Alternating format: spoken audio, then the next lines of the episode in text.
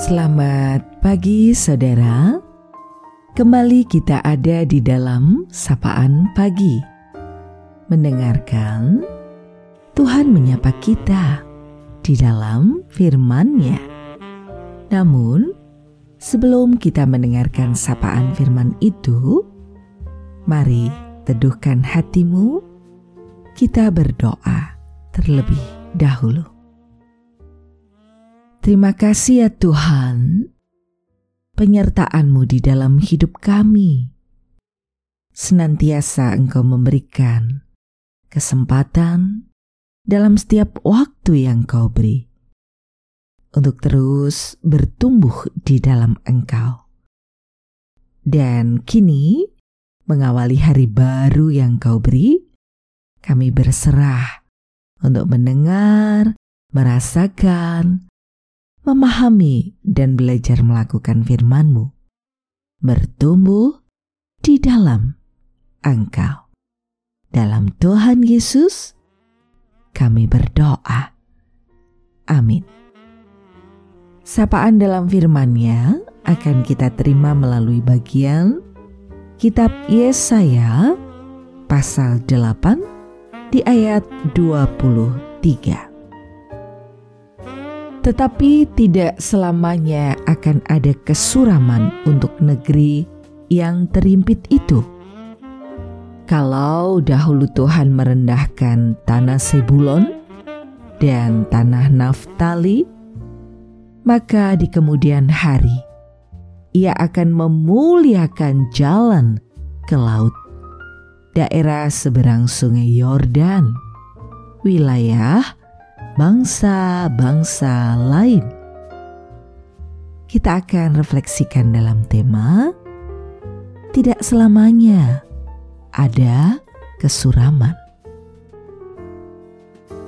Tidak selamanya akan ada kesuraman untuk negeri yang terimpit. Sebagaimana datangnya terang melenyapkan kegelapan, demikian juga kesuraman akan digantikan kesukaan. Penderitaan digantikan kelepasan. Kalau dahulu Tuhan merendahkan, maka di kemudian hari Ia akan memuliakan.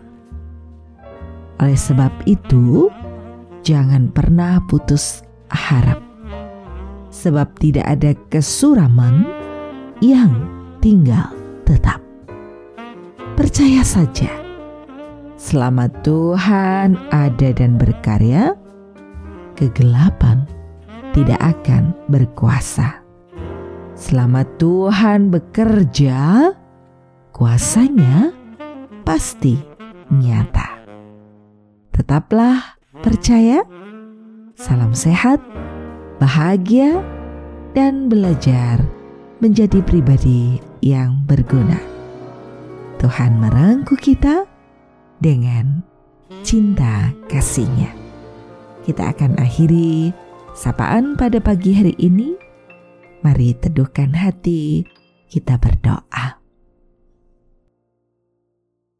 Terima kasih Tuhan, penyertaan-Mu senantiasa dalam hidup kami.